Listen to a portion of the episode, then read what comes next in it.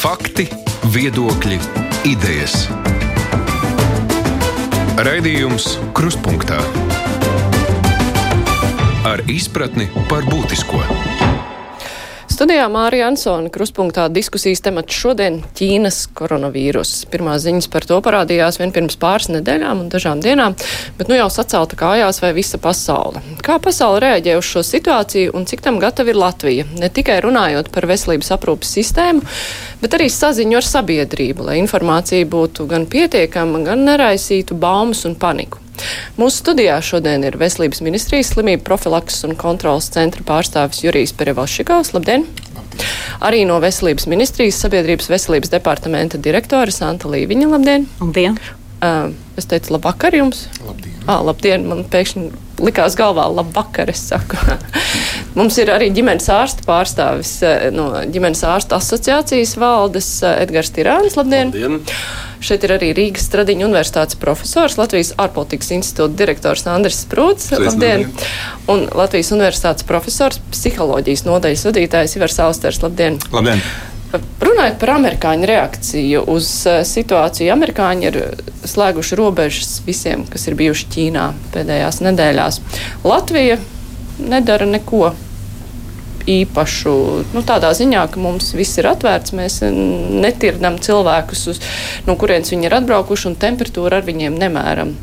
Amerikāņi pārspīlē, mēs esam gudrāki, Perevoši kaut kungs. Um, 30. datumā notika Pasaules veselības organizācijas ārkārtas sēde, kura pieņēma lēmumu par globālo trauksmi. Šajā sakarā par globālo ārkārtas situāciju joprojām izvērtēt visu informāciju, kas pašreiz ir pieejama. Pasaules veselības organizācija neliek šķēršļus cilvēkiem ceļot un neliek šķēršļus tir tirdzniecībai. Eiropas komisija arī seko šiem norādījumiem, un Eiropas Savienības valsts neviena valsts nav pieņemusi šādu lēmumu slēgt robežas kādai cilvēku grupai. Mēs uh, esam tā otrā galējība, kas nedara īpaši neko. Ir valstis, tajā skaitā arī kaimiņos mums, kas uh, nu, pārbauda, vai cilvēki veseli ierodās. Tas ir lieki.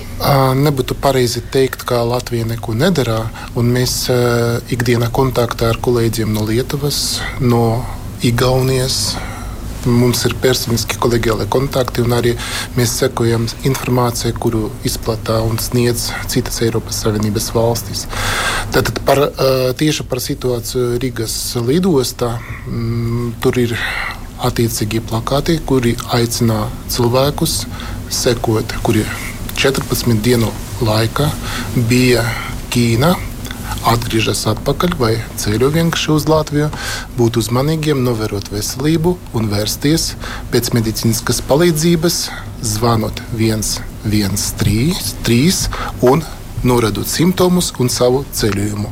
Tā ir standarta rekomendācija, kura pašreiz pastāv visas valstis. Igaunijā viņi arī seko šim, šai praksē, Lietuvā brīvprātīga vēršanās pēc palīdzības, ja ir simptomi lidostā. Mums arī lidostā pirmā stāva ir medicīnas punkts un informācija ielikta visiem ceļotājiem par to, ka, ja jums simptomi dotajā brīdī jau ir pēc Ķīnas apmeklēšanas, laipni lūdzam apmeklēt attiecīgu medicīnas punktu, kur apmācīts personāls rīkosies atbilstoši. Nu, katrā ziņā katram pašam vajadzētu būt atbildīgam par sevi un Notiek. zināt, ar ko viņš ir kontaktējies un kur viņš ir bijis. Sprūdukungs, kā jums šķiet, vai amerikāņi te ir ieslēguši kaut kādu lielo politiku? Nu, kā neviens tiešām nav teicis, ka ir tik traki, ka nevajadzētu nevienu laist iekšā, vai tas var būt kaut kāda uh, spēka demonstrēšana?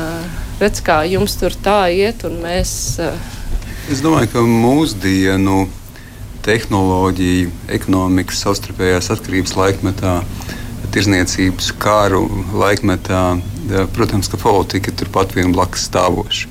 Tā kā arī visā šajā stāstā nenoliedzami, ka politika ir nu, viņi ir klātesoši kā elements. Un es teiktu, es teiktu tā divos līmeņos. Viens, protams, ir tas starpvalstu līmenis, tas globālais līmenis, ka valsts noteikti tās, kurām ir lielāki riski, viņas rūpējās, izrāda papildus aktivitātes, iespējams arī ASV gadījumā, bet es šeit to īsti nesaredzētu, ka izrāda arī kaut kādu papildus spiedienu.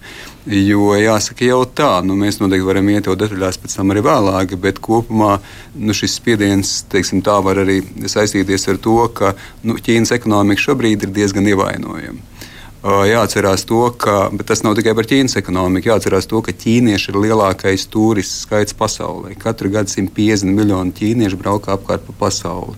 Principā tas nozīmē, ka viss avio līnija biznesa, viesnīcas biznesa, viņš šobrīd bremzējās un diezgan pamatīgi. Un tam jau ir sekas gan uz akciju tirgiem, gan teiksim, uz naftas cenām. Tā kā skaidrs, ka šeit noteikti kaut kāda zināmas kalkulācijas papildus spiediena no ASV puses, ka ziniet, mēs jums varam arī vēl papildus izdarīt, teiksim, uzlikt kādus instrumentus. Es domāju, ka viņš apsvērumos kaut kur figurē. Bet otra daļa, to, ko jūs jau uzdevāt pirmo jautājumu, un tam šī sasaiste nenoliedzami ir ar Latviju, ka katra valsts, protams, vispirms ir atbildīga un katrs vadītājs vai valdība ir atbildīga savas sabiedrības priekšā. Un, protams, ka tajā situācijā jāparāda to, ka kaut kas arī notiek. Un ASV gadījumā, ne, ņemot vērā to, ka šī sasaiste tomēr ar Ķīnu ir intensīvāka, protams, ka tur arī šīs aktivitātes ir intensīvākas. Es te pilnīgi piekritīšu arī kolēģi teiktajiem, ka man šeit Latvijas gadījumā nu, nevajadzētu šobrīd pārforsēt ar šo politikas dimensiju, ka mēs tagad nu, izrādīsim kaut kādas milzīgas aktivitātes tikai tāpēc, ka aktivitātes jāizrāda. Bet no otras puses, kaut kādas zināmas politiskas, publiskās aktivitātes jāizrāda tikai tāpēc, arī lai sabiedrība justos, ka par viņu arī rūpējās un ka mēs zinām, ka principā šī, šī situācija un arī visa informācija tiek monitorēta un, ja tā var teikt, tā ir politikas dienas kārtībā, par ko šodien apliecināja arī, nu, ja tā var teikt, valdības eh, tikšanās eh, par šo ārkārtas ārkārtas situāciju. Osterkungs, kā jums izskatās, vai nu, gan pasaules līmenī, gan palasot eh, ko par šo sērgu saka cilvēki, teiksim, ka tu esi sociālajos tīklos vai komentāros, vai ir kaut kāds panikas elements ieslēdzies. Un tajā skatā arī uz to reakciju, ka nu, tagad mēs mēģinām darīt kaut ko īpaši daudz. Kur varbūt mēs nevaram. Man šeit tas, kas trūkst, ir kaut kāda mēroga, kaut kāda samērojamība, jo, jo uh, ir daudzas lietas, ar kurām mēs ikdienā sastopamies, kas ir nesalīdzināmi riskantākas attiecībā pret mūsu veselību, nu, arī, arī, arī dzīvību plašā, plašākā nozīmē. Ja, teiksim, mans, Droši vien iemīļotākais piemērs ir, ja tu vienam cilvēkam paprasti, vai pateiksim vēl savādāk, sieva aizved vīru uz lidostu, jau reiz pa lidošanām tagad ir runa un saka, nu, mīļais, lido droši vai ne, un pat tagad brauc mājās vai uz darbu, nesaprotot, ka viņš sev vairākus tūkstošus reizes lielākam riskam pakļauj nekā tas vīrs, kurš aizlidoja. Bet nu, mūsu domāšana ir iekārtot tā, ka mēs pārāk lielu uzmanību pievēršam atsevišķam stāstam, kaut kam, kas ir spilgts, detalizēts, un uh, mēs nedomājam par risku kaut ko saķert, šo slimību. Nu, procentu izteiksmēs vai, vai uh, attiecību izteiksmēs, kas būtu tas, kā epidemiologi par to domā. Uh, mēs domājam, cik viegli ir kaut ko iedomāties, jo vieglāk kaut ko iedomāties, jo lielāks ziepes varētu būt. Ja? Nu, parasta gripas epidēmija ir vai parasta gripa, ar kuru mēs riskējam saslimt katru gadu, nu, kā šobrīd izskatās. Ja? Es, protams, neesmu ārsts, ja neesmu mediķis, bet nu, pēc tās informācijas, kur ir publiski pieejama informācijā, ir nesalīdzināmāk lielāks risks jebkuram no mums. Nu, uh, tā, tās īstās ziepes laikam varētu būt, ja tu esi e, cilvēks e, zelīdā vecumā un tev ir kaut kādas plaušu slimības jau, vai ne? Nu, tad gan nevajadzētu droši vien uz zināmiem Ķīnas rajoniem braukt vai ne un palielināt šo risku saskarties ar uh, iespējamiem vīrusu nēsātājiem. Tad tas krietni, krietni pieaugs šis risks uh, pabeigt uh, dzīvi ātrāk nekā tas būtu iespējams. Ja? Bet tādam normālam iedzīvotājam, kurš kaut ko tādu nedara un kuram ir viss kārtībā ar elpošanas sistēmu, nu, tur varētu būt krietni, krietni pārspīlējumi. Bet tas ir mūsu dabā. Nu, teiksim, mēs tagad ziņās klausījāmies, gaidot, ka sāksies kruspunktā. Latvijā zāģi visvairāk ir iecienījuši BMW, Volkswagen un Audi. Paklausīt tās ir mašīnas, kuras ir visvairāk. Ja tur nebija samērogot šī ziņa, vai ne? Nu, vienkārši tās jā, ir tās tā mašīnas, arī, kuras ir visvairāk. Nu, jā, bet eh, tajā pašā laikā nu, kustība starp valstīm ir pietiekoši liela. Cilvēki ceļo un Uh, nu jā, mums arī šobrīd nav datu par to, cik daudz Latvijas iedzīvotāji izbrauc caur Ķīnu vai izbrauc uz Ķīnu. Bet, uh, ja mēs paskatāmies chronoloģiju, tad 17. janvārī pirmo reizi parādījās ziņas par to, ka ir divi miruši cilvēki un 50 dienas vēlāk Un tad jau bija ziņas par 17 mirušajiem, un tad uh, Uhaņā sāka būvēt jaunu slimnīcu, kas ir pabeigta. Laikam šodien ir atklāšana. Un tas uh, rada pārdomas, ka nu, viņam arī redz, ka uz visas Ķīnas fona, vai kaut kā uz Uhaņas fona, ir tikai 17 miruši cilvēki. Un, protams, nevar teikt tikai, bet uh, nu, tas nav it kā liels skaitlis. Bet viņi reaģē tā, it kā tur būtu mēris sācies. Uh, vispārākajā pakāpē. Un tad jautājums, vai mēs paļaujamies uz to, ka mums ir pilna informācija par to, kas tur īsti ir noticis. Varbūt viņi zina kaut ko vairāk. Mm. Es tad varbūt arī pakomentēšu. Arī Pasaules veselības organizācijas eksperti ir bijuši Uhaņā. Un arī to, ko Pasaules veselības organizācijā visām valstīm ir teikusi, ka Ķīna arī rīkojās pareizi. Šeit ir jāsaprot, ka Ķīnā ir ļoti liels iedzīvotāju blīvums. Viņi tur tiešām ir miljoni. Mēs tik daudz nesam. Tas ir viens. Tālāk Ķīna patiešām ir skartā teritorija, kur ir šie saslimšanas un arī daži miršanas gadījumi, tad viņi attiecīgi rīkojās. Bet varbūt arī druskuļi skaidrībai, ko nozīmē šī globālā trauksme tas eh, patiesībā vairāk attiecās uz tiem dienestiem, eh, kas eh, rūpējās par sabiedrības veselību. Tātad visiem dienestiem ir jābūt pastiprinātā gatavībā, ka, ja nu tomēr arī Latvijā tiks ievests viens gadījums, šeit mēs nerunājam par to, ka šī infekcija ļoti plaši tūlīt izplatīsies, bet mēs runājam par vienu ievestu gadījumu, tad uh, mums visiem ir jābūt gataviem viņu atpazīt, attiecīgi arī šo pacientu uh, izolēt, hospitalizēt, veikt epidemioloģisko izmeklēšanu, apzināt kontaktpersonas.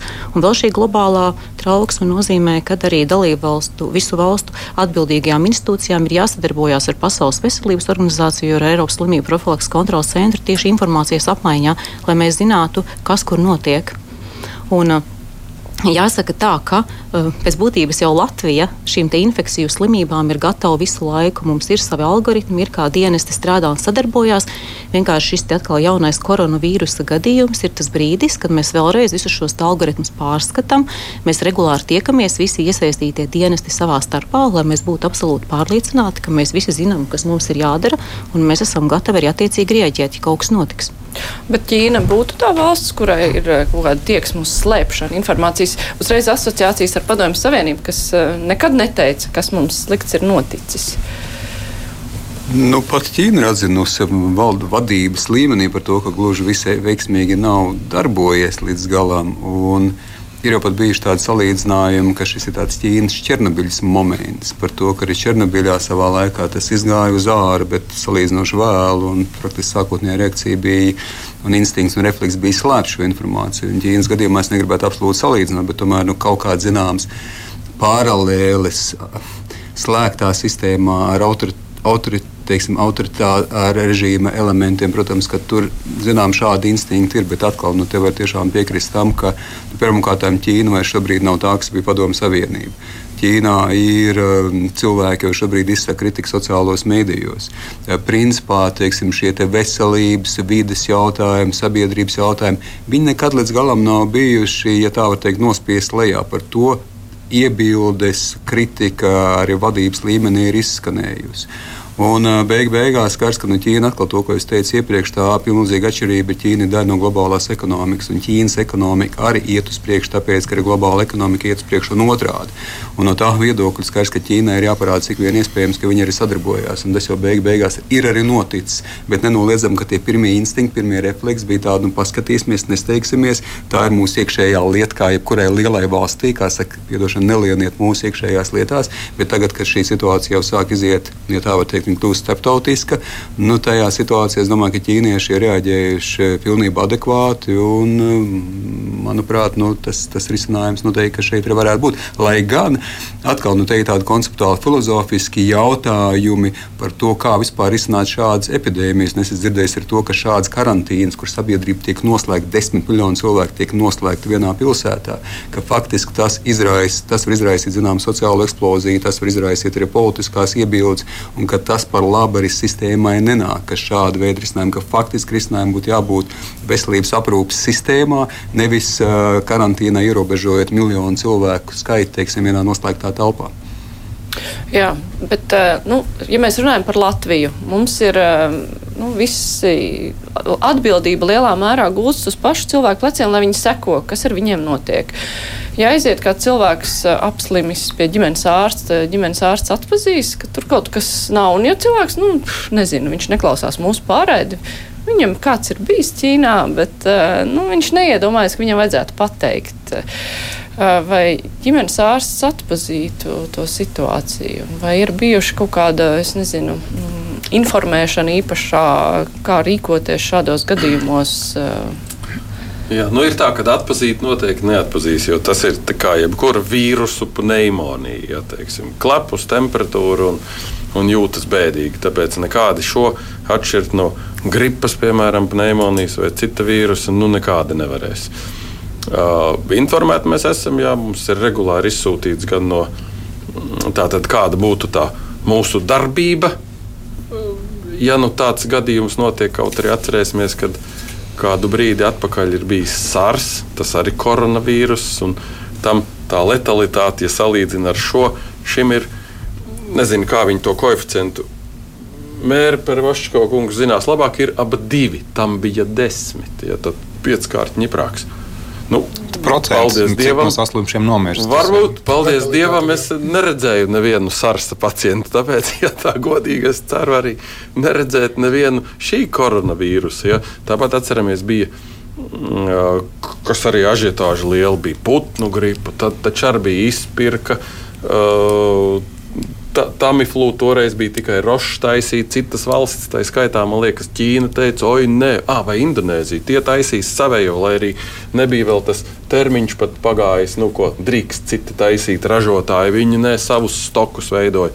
Tas arī viss pazuda. Tā bija cūku gripa, kas arī pārdzīvota. Ja? Tāpēc es teiktu, ka nu, skaidrs, ka, Alsterkungs arī saka, ka tā ažiotāža jau ir par kaut ko nezināmu, vienmēr ir lielāka nekā par tiem simt zināmiem riskiem, kas manai stūra var draudēt.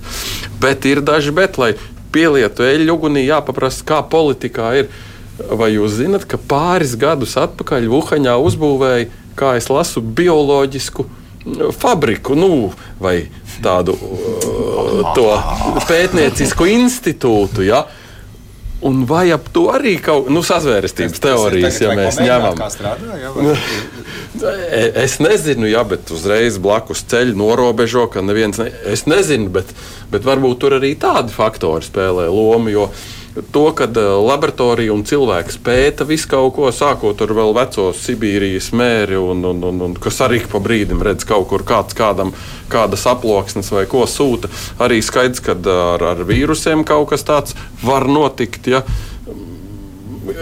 Ko tur pa augstiem plauktiem kaut ko tādu stāsta, nestāsta, vai, vai šis faktors Stāsti vispār? Ko augstajos. Ne, visu laiku noteikti nevar šīs sazvērestības teorijas, protams, ir, ir dzirdētas un ir, ir klātesošas, bet no otras puses, ja mēs skatāmies ar tos iepriekšējos sārsus, mersus, zikas, un noteikti varētu to skaitu vēl turpināt. Nu, tad beig beigās jau izrādās, ka šīs lietas notiek laika pa laikam, ir īpaši, kur ir miedarbība ar maidzīvniekiem un varbūt arī neizslēdzot, neizslēdzot pilnībā, ja tā var teikt, bioloģisko eksperimentu klātesamību. Tomēr man šķiet, ka parasti atbildi jau ir deviņos gadījumos no desmit, ja ne vairāk. Nu, dabiskāka nekā, nekā, nekā pakārtot. Bet varbūt arī mazliet izmantojot, ja iespējams piebilstot, nu, tieši tā, ja mēs skatāmies kaut kādā pieminēto SARS, tad um, SARS. Um, bija aptuveni, ja pareizi atceros, 10,000 eh, gadījumu, bet kaut kā arī vai 1000 eh, zem 1000 nomirta. Tas tiešām bija tie 10%. Šeit ir no 20,000 šobrīd virs 400 aizgājuši vai miruši, kas ir aptuveni 2%. Lai gan smagi slimi ir arī aptuveni 10%. Tā kā skaidrs, ka kaut kur tas grozās, bet eh, līdz ar to SARS bija mazāk izplat, izplatošs, bet tajā pašā laikā viņš bija nāvējošāks. Šis ātrāk izplatās, jo mēs tieši tā mēneša laikā redzam, ka jau ir 20,000 un tā viņš ir turpinājums kaut kāds varētu arī būt. Bet viena lieta, un to notiks piezīmēšana, varbūt turpinot jau šeit, šī galda pusē diskusiju e, par to, ka tas, kas nebija SARS laikā, tas bija vēl pirms Facebook un Twitter. E, tagad, protams, mēs dzīvojam citā mēdīņu telpā daudz lietas iepriekšējo vīrusu infekciju laikā.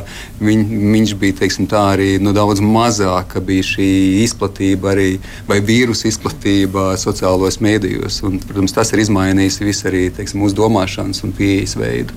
Un tāpēc līdz ar to arī šādas iespējas runāt par to, ko tu tur ķīnieši dara, arī ir. Jo es domāju, ka Jā, šī informācija izplatās un viņa tiek multiplicēta. Austerkungs eh, par šo te aspektu, ka informācijas eh, aprite ir krietni ātrāka. Tas arī ietekmē.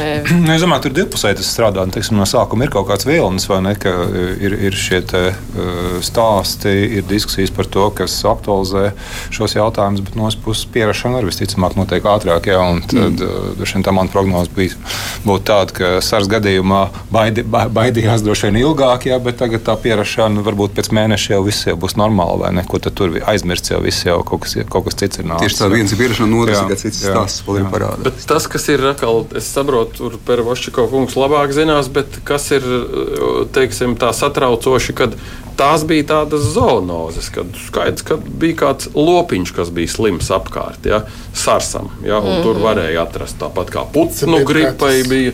Ja, un te tagad ir tā doma tur sākumā. Bībeles uz dzīvnieks čūska. čūskām, Jā. pēc tam tagad jau līdz sikspārņiem tikuši, ja, bet atkal jaunā smēle saka, ej, nevienam buhaņas tirgus šitam te lopiņam, ko ēd vai pat ko neēd, nav atrasts tas vīrus. Ja.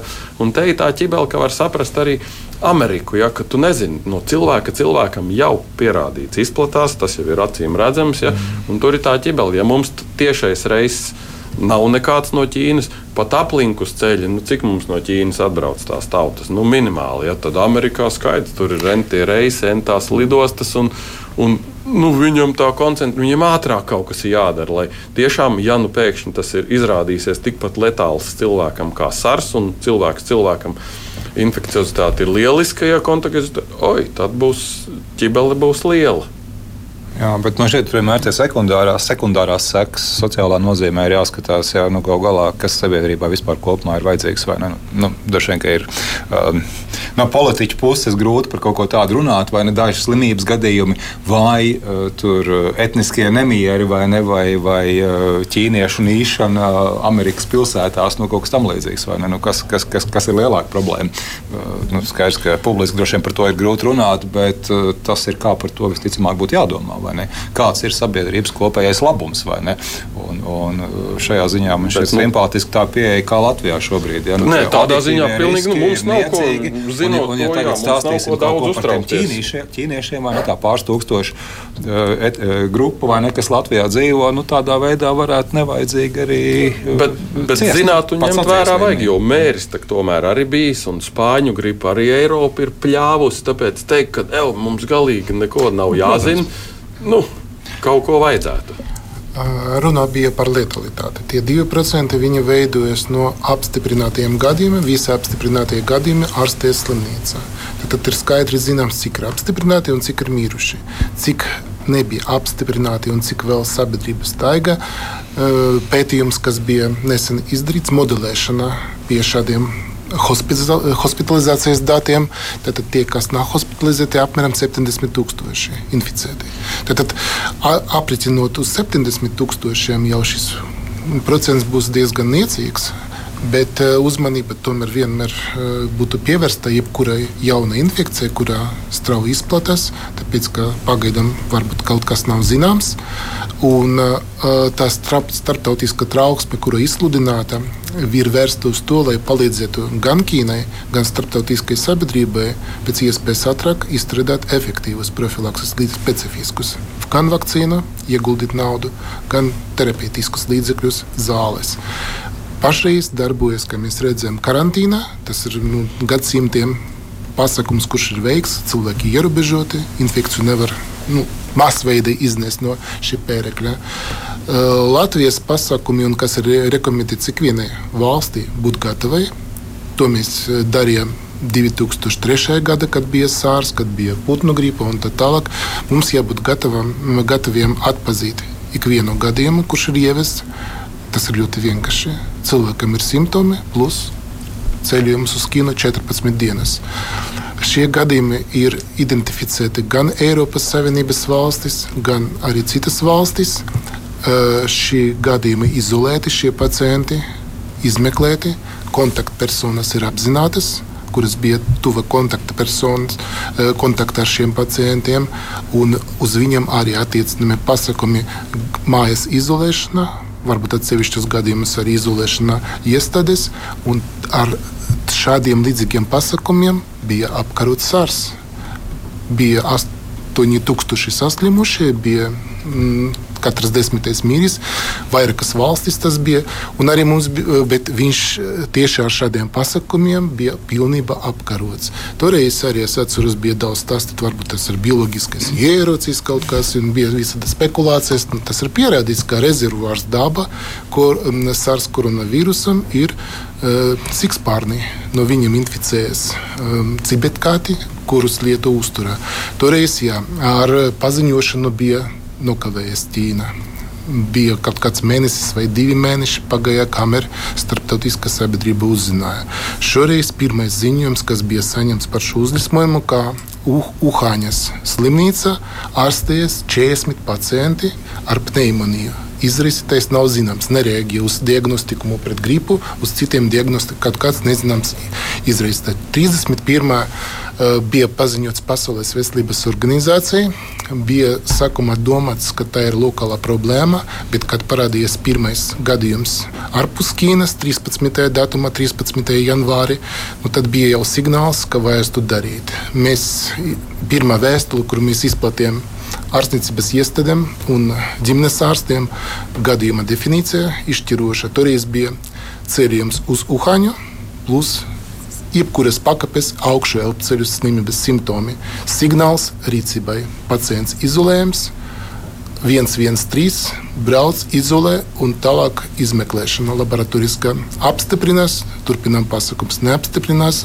Ar to mēs varam pārtraukt. Tāda sistēma darbojas un mums ir nostrādāts jau vairākus gadus. Vienkārši ar katru reizi mēs redzam, ko varam arī uzlabot. Varbūt mazliet šai sistēmai. Tas, tas mums atsūtīts zināms, vienīgi Jā. tagad jau ir nevis Vuhaņa, bet laikam tā, Ķīna. 30. datumā sakarā ar to, ka tomēr tik liels skaits arī citas pilsētas reģistrēts un nebija skaidrības, vai tur ir citas pilsētas noturīga vīrusa izplatīšanas piesardzības dēļ pas, e, e, Eiropas slimību kontrolas un profilakses centrs mainīja definīciju uz visu Ķīnu.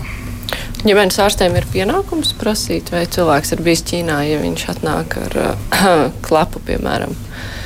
Es domāju, ka tagad, izējot no šīs gadījuma definīcijas, ko ir noteikusi arī Pasaules veselības organizācija, ka ģimenes ārstiem tas būtu jāprasa.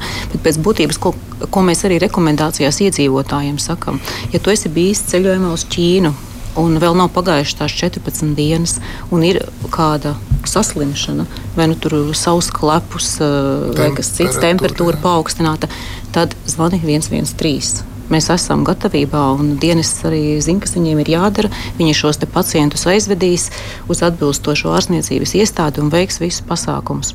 Tas, ko mēs sakām vecākiem un tagad ar izglītības iestādēm, par ko mēs arī vienojāmies, manuprāt, svētdien, kad mēs visi operatīvi sanācām, ja ir zināms, ka bērni atgriežas no Ķīnas. Tad tas, kas ir jādara izglītības iestādēm un vecākiem, šie, bēr, šiem bērniem ir jāpaliek mājās šīs 14 dienas. Tātad 14 dienas bērns dzīvo mājās. Ja bērns ir nepilngadīgs, tad vecāks ir tiesīgs arī paņemt šo darba nespējas lapu.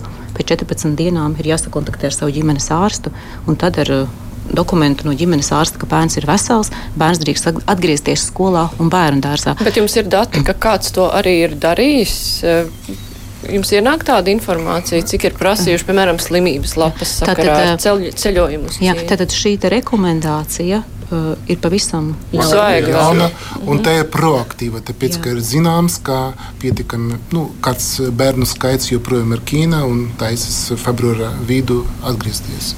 À, jūs zināt par to? Nu, mums bija tādi signāli Aha. saņemti, ka ir atsevišķas ģimenes, kuras vēl joprojām tur. Un, tāpēc tas būtu aktuāli tieši pašreiz. Jā, es, mēs ar praktisko turpināsim tūlīt. Man ir jāatgādina Latvijas radio klausītājiem, Latvijas televīzijas skatītājiem, ka mūsu studijā šodien ir no Veselības ministrijas slimību profilaks un kontrolas centra pārstāvis Jurijs Privošikovs, Veselības ministrijas sabiedrības veselības departamenta direktora Santa Līviņa. Šeit ir ģimenes ārsts, Latvijas ģimenes ārstu asociācijas valdes pārstāvis Edgars Tirāns, arī Rīgas Stradiņa universitātes profesors, arī Latvijas ārpolitikas institūta direktors Andris Sprūts un Latvijas universitātes profesors psiholoģijas nodaļas vadītājs Ivars Austers. Raidījums Krustpunktā. Jā, savēlkot kopā rekomendācijas, kas ir minētas, un tomēr lielā mērā viss ir atkarīgs no cilvēkiem pašiem, no tā, vai viņi paši uh, saprot, uh, ka ir svarīgi tas, ka viņi ir bijuši Ķīnā, ka viņiem ir kontakts ar kādu, kurš ir varbūt svaigi atgriezies. Un uh, runājot par ģimenes ārstiem, es uh, tiešām tagad neesmu gājis pie ģimenes ārsta. Es nezinu, vai man ģimenes ārsts man pavaicātu, ja es klepotu, vai es esmu bijusi Ķīnā.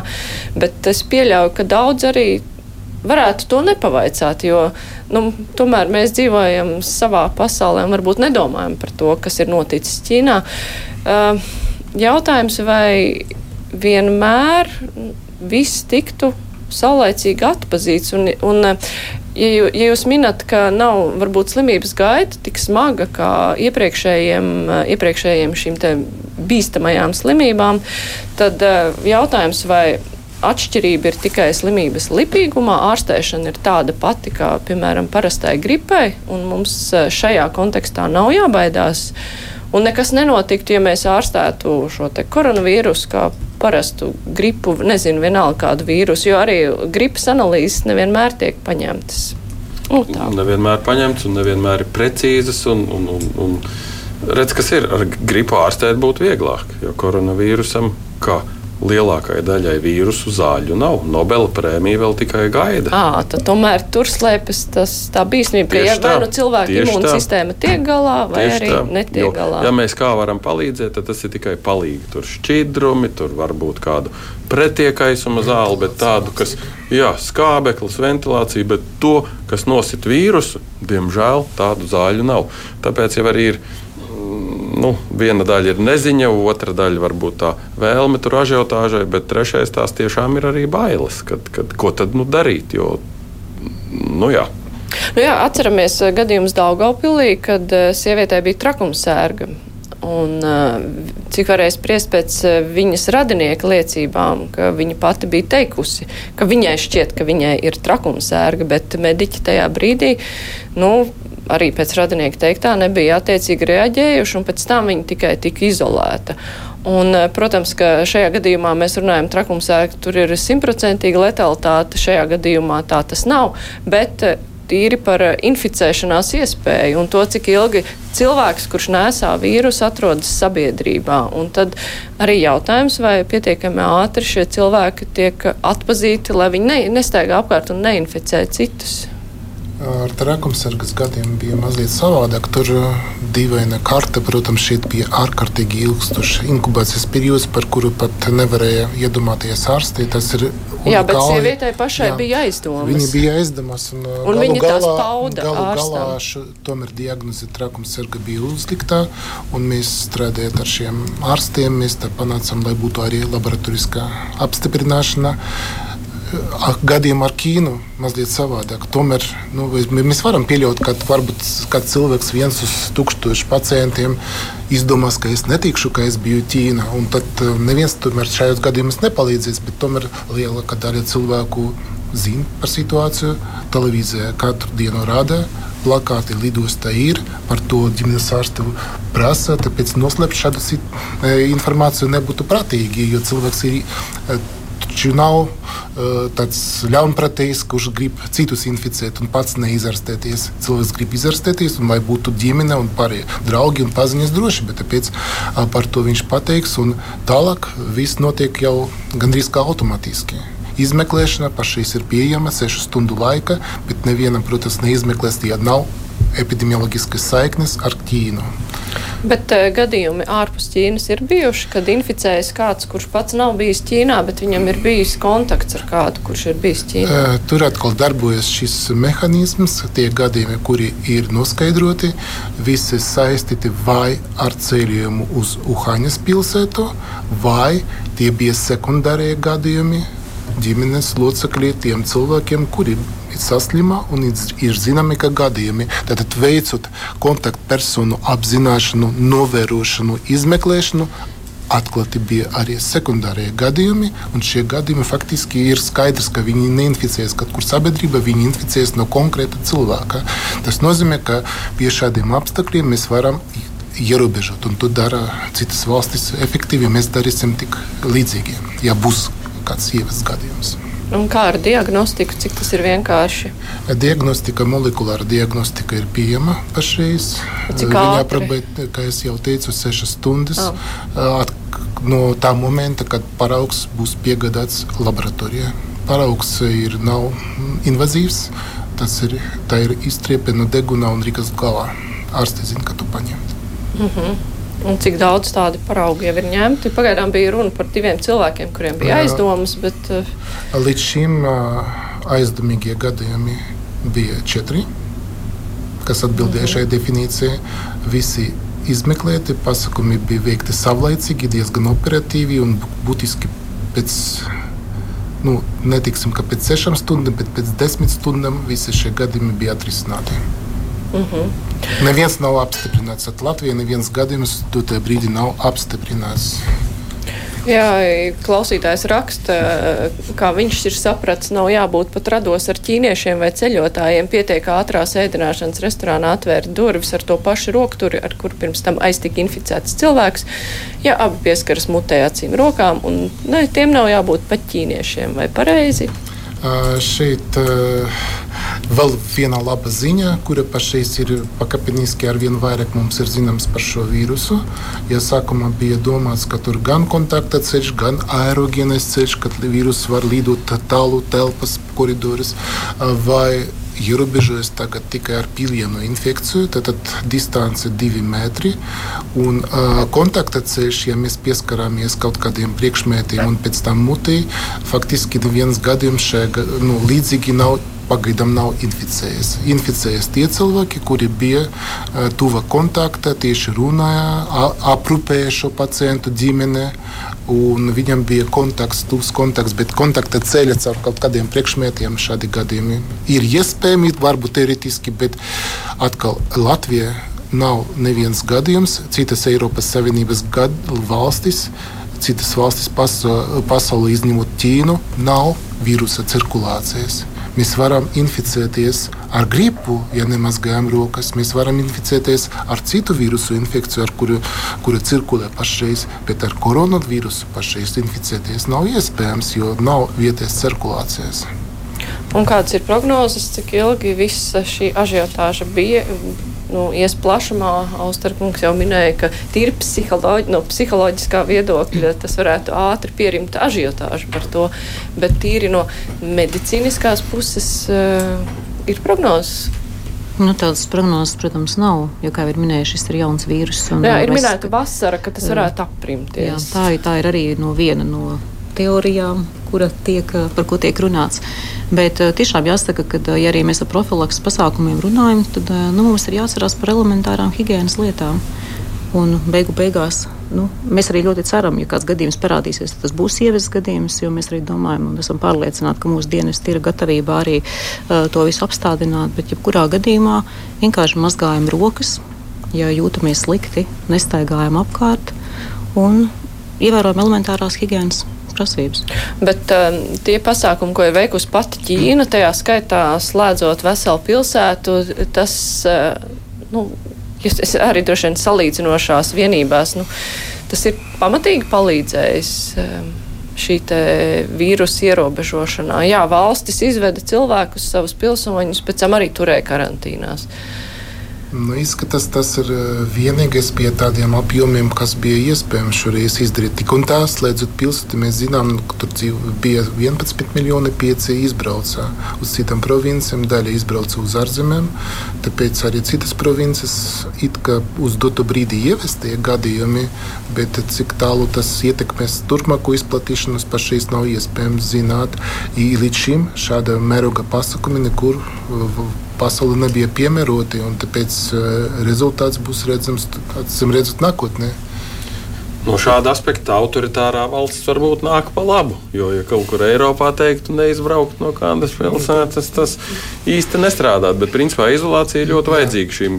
Mēs arī izolējam pacientus, kuriem apstiprināta ja slimnīcā, viņš būs boxā, izolētā Šeit notiek tā masveida karantīna, sabiedriskais transports nestrādā, sabiedriskās vietas tur ir kā, nu, diezgan maz cilvēku, visi sēž mājās.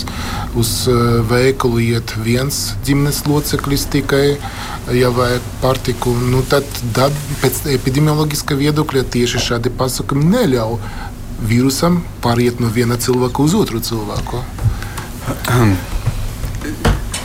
Es domāju, ka var daž, dažādi paskatīties. Noteikti es negribu diskutēt ar profesionāļiem šīs jomas. Un, bet tiešām tas, jau, tas jau, kas tika minēts, ka nu, tas ir milzīgs masveida pasākums. Tiešām tie ir desmit miljoni visā provincijā, 60 miljoni. Tas ir, protams, skaits milzīgs. Un ieslogot šādu cilvēku teiksim, 60 skaitu. Miljoni, tur ir jā, 60 jā, jā, vairākas pilsētas. Jā, jā, tieši tā, 60 miljoni provincijā. Tagad ieslogot kaut kādu cilvēku skaitu karantīnā, nu, te, protams, ir tīri jautājums par tiem psiholoģiski, sociālajiem, politiskajiem vai ne. Nu, nu, sekām par to, kā arī reaģēs sabiedrība. Tā, tā ir milzīga, teiksim, tā milzīgs skaits. Un otrs, tas jau, kas šeit ir tik pieminēts, nu, 5 miljoni ir izbraukuši. Tā kā tas skaits jau ir pietiekoši daudz, kas ir izbraukuši. Līdz ar to nu, šeit ir virkni jautājumu, un, kā jau minēju, konceptuāli to, ko es dzirdēju starptautiski, tomēr ir dažādas arī diskusijas par to, vai šāda karantīna ja mēs skatāmies no sociālās, psiholoģiskās, politiskās puses, vai tas ir tas pareizākais risinājums. Bet atkal medicīniski tas šķiet ir uzskatīts par adekvātu risinājumu. Latvija. Nu, manuprāt, tā, mēs jau tādā runājam, ka Latvija tā var teikt, no nu, aiz vairākām karantīnas um, robežām vai valņiem ir, ir Uhaņa, pēc tam ir Ķīna, pēc tam nav pārāk daudz tiešo reisu. Bet arī mēs skatāmies no ķīniešu turistu skaita Latvijā, tad gadā ir aptuveni 25,000 nu, tad mēs varam rēķināt, ka kaut kādi pāris tūkstoši iespējams pēdējā mēneša laikā ir izbraukuši arī cauri Latviju uz Ziemassvētkiem, uz jauno gadu. Nevar to arī izslēgt. Bet skaidrs, ka tas skaits uz 150 miljonu fonu ir, ir stipri, stipri arī mazs. Bet no otras puses, es tomēr laikam pilnībā nevarētu arī izslēgt to no loģikas viedokļa. Ja ir 150 miljoni turistu. Praktiski tas ir kaut kur 10 miljoni turistu mēnesī pasaulē, ķīniešu turistu. Un, protams, daudz arī vēl ir miljoni vai tūkstošiem, ir arī, kas ir Ķīnā bijuši. Nu, noteikti tas nav tikai tas paliks Ķīnā. Ir jau pirmais šis gadījums, ka tomēr ir arī nāve bijusi Filipīnās, un ir pirmie, jau, protams, inficēšanās gadījumi Francijā un Vācijā. Tā kā arī Eiropā tas jau ir atnācis. Jā, tā kā laikam, ka tomēr tā sekundārā iespējamība arī kaut kāda pastāv. Bet atkal, nu, noteikti mēs šeit esam visi viens lapas, ka nevar krist kaut kādā panikā. Un es pat domāju, līdz vasarai, vai tiešām šī ziņa vēl būs vispār mums aktuāla. Jo to, ko atkal es dzirdu vai lasu, kad jau ap 8. un 10. februāru faktiski vajadzētu būt tai kulminācijai, kad būs skaidrs, vai tas izplatīsies vairāk, vai pamazām, pamazām tas pat ies uz leju. Nu, man šķiet, eh, te ir arī svarīgi, nu, lai mēs nu, teiksim, es braucu, man bija jābrauc uz Ķīnu martā. Es biju pats novembrī, tā kā es kaut kur pa logas iekritu vai ne pa vidu. Bet uh, līdz ar to skaidrs, ka es sācis klepot jau pirms savu braucienu martā uz Ķīnu. Nu, diez vai, ja teiksim tā. Es psiholoģiski iedomāšos, ka man ir koronavīruss, bet arī noteikti tas risks, ka daudz cilvēku varbūt tieši tā sāks jau domāt, ka viņiem ir kaut kāda simptomātika. No tā noteikti vajag izvairīties, arī, tāpēc jau atkal no šī nepanikas sēšana vai ne roku mazgāšana, ko mums premjerministrs teica, nu, varbūt tiešām te varētu arī tā salīdzinoši uz to skatīties mier, mierpilnāk. Jā, bet ja mēs runājam par šo reģionu slēgšanu, nu, jā, no apkārtējo viedokļa tas varbūt ir nomierinoši, bet um, kādas sekas tas var atstāt uz cilvēkiem, kuri faktiski ir ieslēgti. Un ir vēl mm. arī ziņas par kruīzu kuģiem, kas mm. tur tiek turēti un mm. cilvēki netiek turē, laist laukā.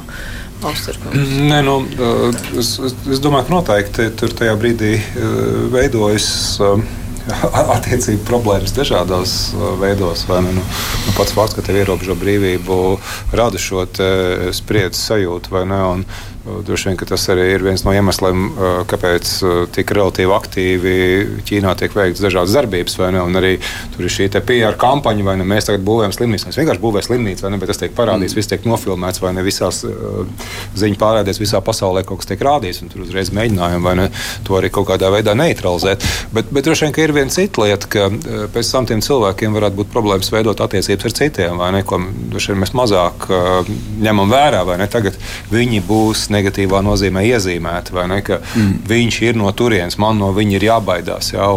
Tur jau nebūs tikai racionāli aspekti, ka ir 14 dienas pagājušas, vai ne? Kopš šis cilvēks uh, ir. Uh, iespējas uh, gu, uh, saslimt uh, ar, ar šo vīrusu izraisīto slimību. Nu, nekas nav noticis. Ne? Bet, nu, tā, tā, tā mūsu mājiņticība jau ir pietiekami plaša, vai, ne? vai mēs to gribam vai negribam. Tas jau neatiecas tikai uz cilvēkiem, kuri nav izglītoti. Tas ir arī universitāšu vidē par to ļoti skaisti rāda pētījumi. Ne? Nekur jau tas nepaliek. Tas mākslīgais cilvēks jau mums visos dzīvo. Un tad, gribot, negribot, tādā pusapzinātā, automātiskā līmenī šie cilvēki cilvēki vēlāk var arī ciest. Nu, jautājums jau, kā mēs iepriekš runājām, kas ir sabiedrībai kopumā lielāks iegūms, vai, vai, vai šādas lietas vienmēr ir jāliek lemšanas modelī.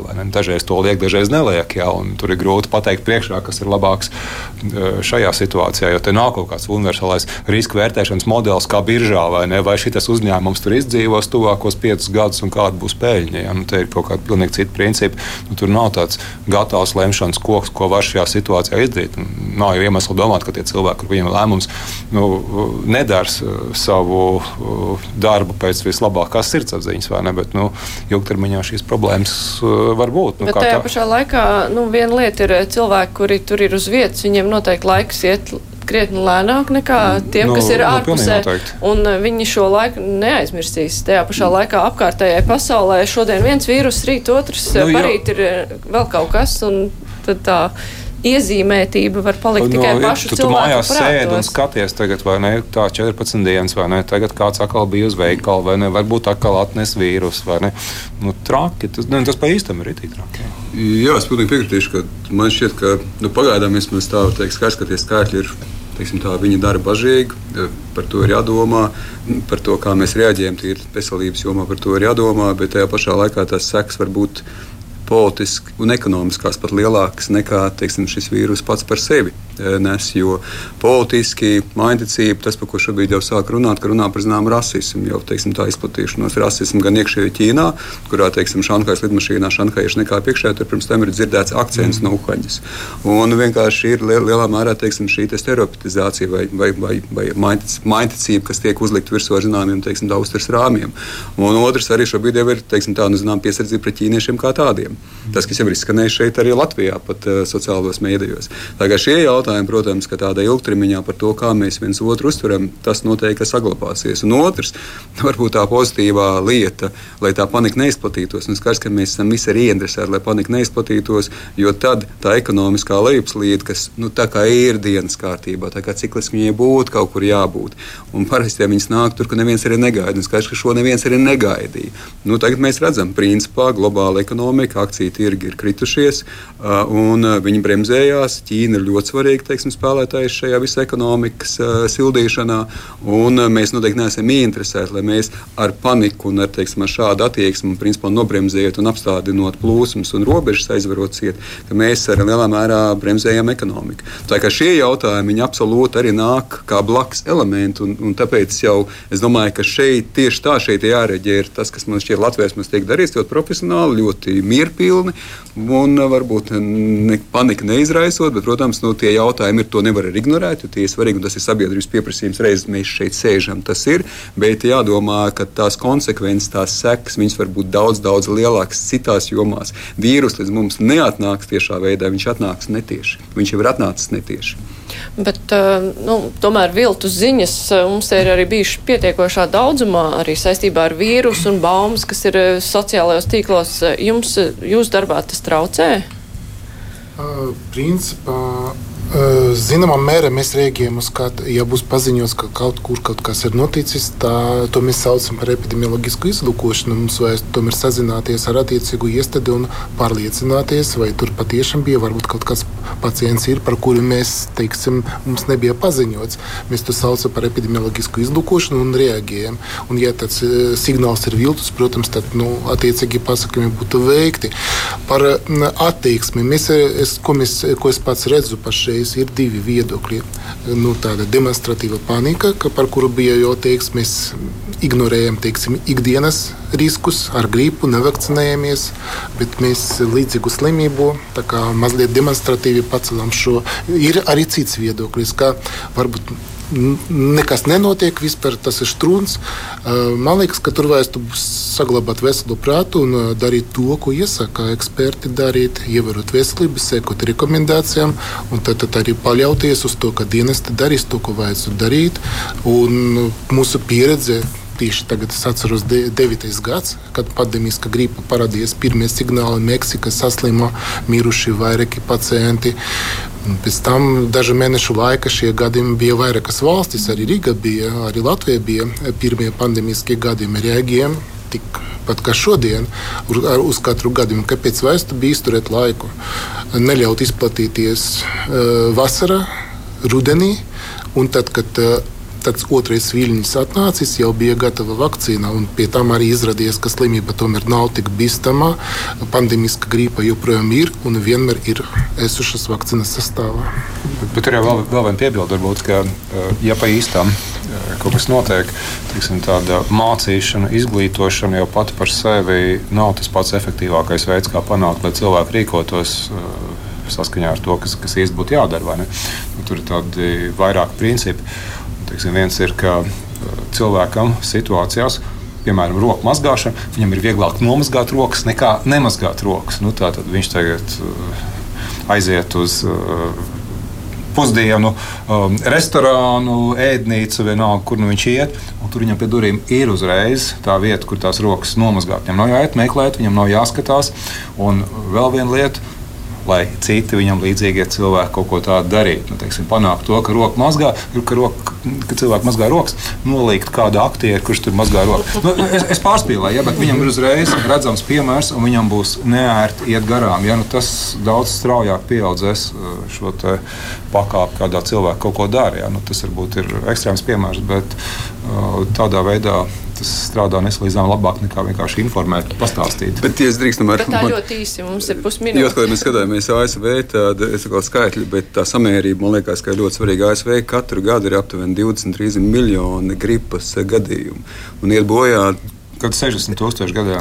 Kā kuru gadu 10 līdz 20 tūkstoši iet bojā gadā. Tad man šķiet, ka nu, diez vai mēs mainīsim tik vienkārši tos cilvēku teiksim, tā, uzstādījums un rutīnas. Bet eh, nu, šajā gadījumā man šķiet, ka atkal, nu, manuprāt, nevajadzētu šeit krist panikā. Nu, jā, no savas puses var piebilst, mums, diemžēl, vairāk laika nav, ka panikai noteikti par sliktu nāk un uh, cilvēku mieram par labu, ja viņiem ir pārliecība, ka pretējā pusē, ka atbildīgās iestādes zina, ko dara teiksim, neizlieks, ka problēmas nav, bet vienkārši zina, ko dara. Un droši vien, ka tas ir, tās ir vislabākās zāles pret paniku.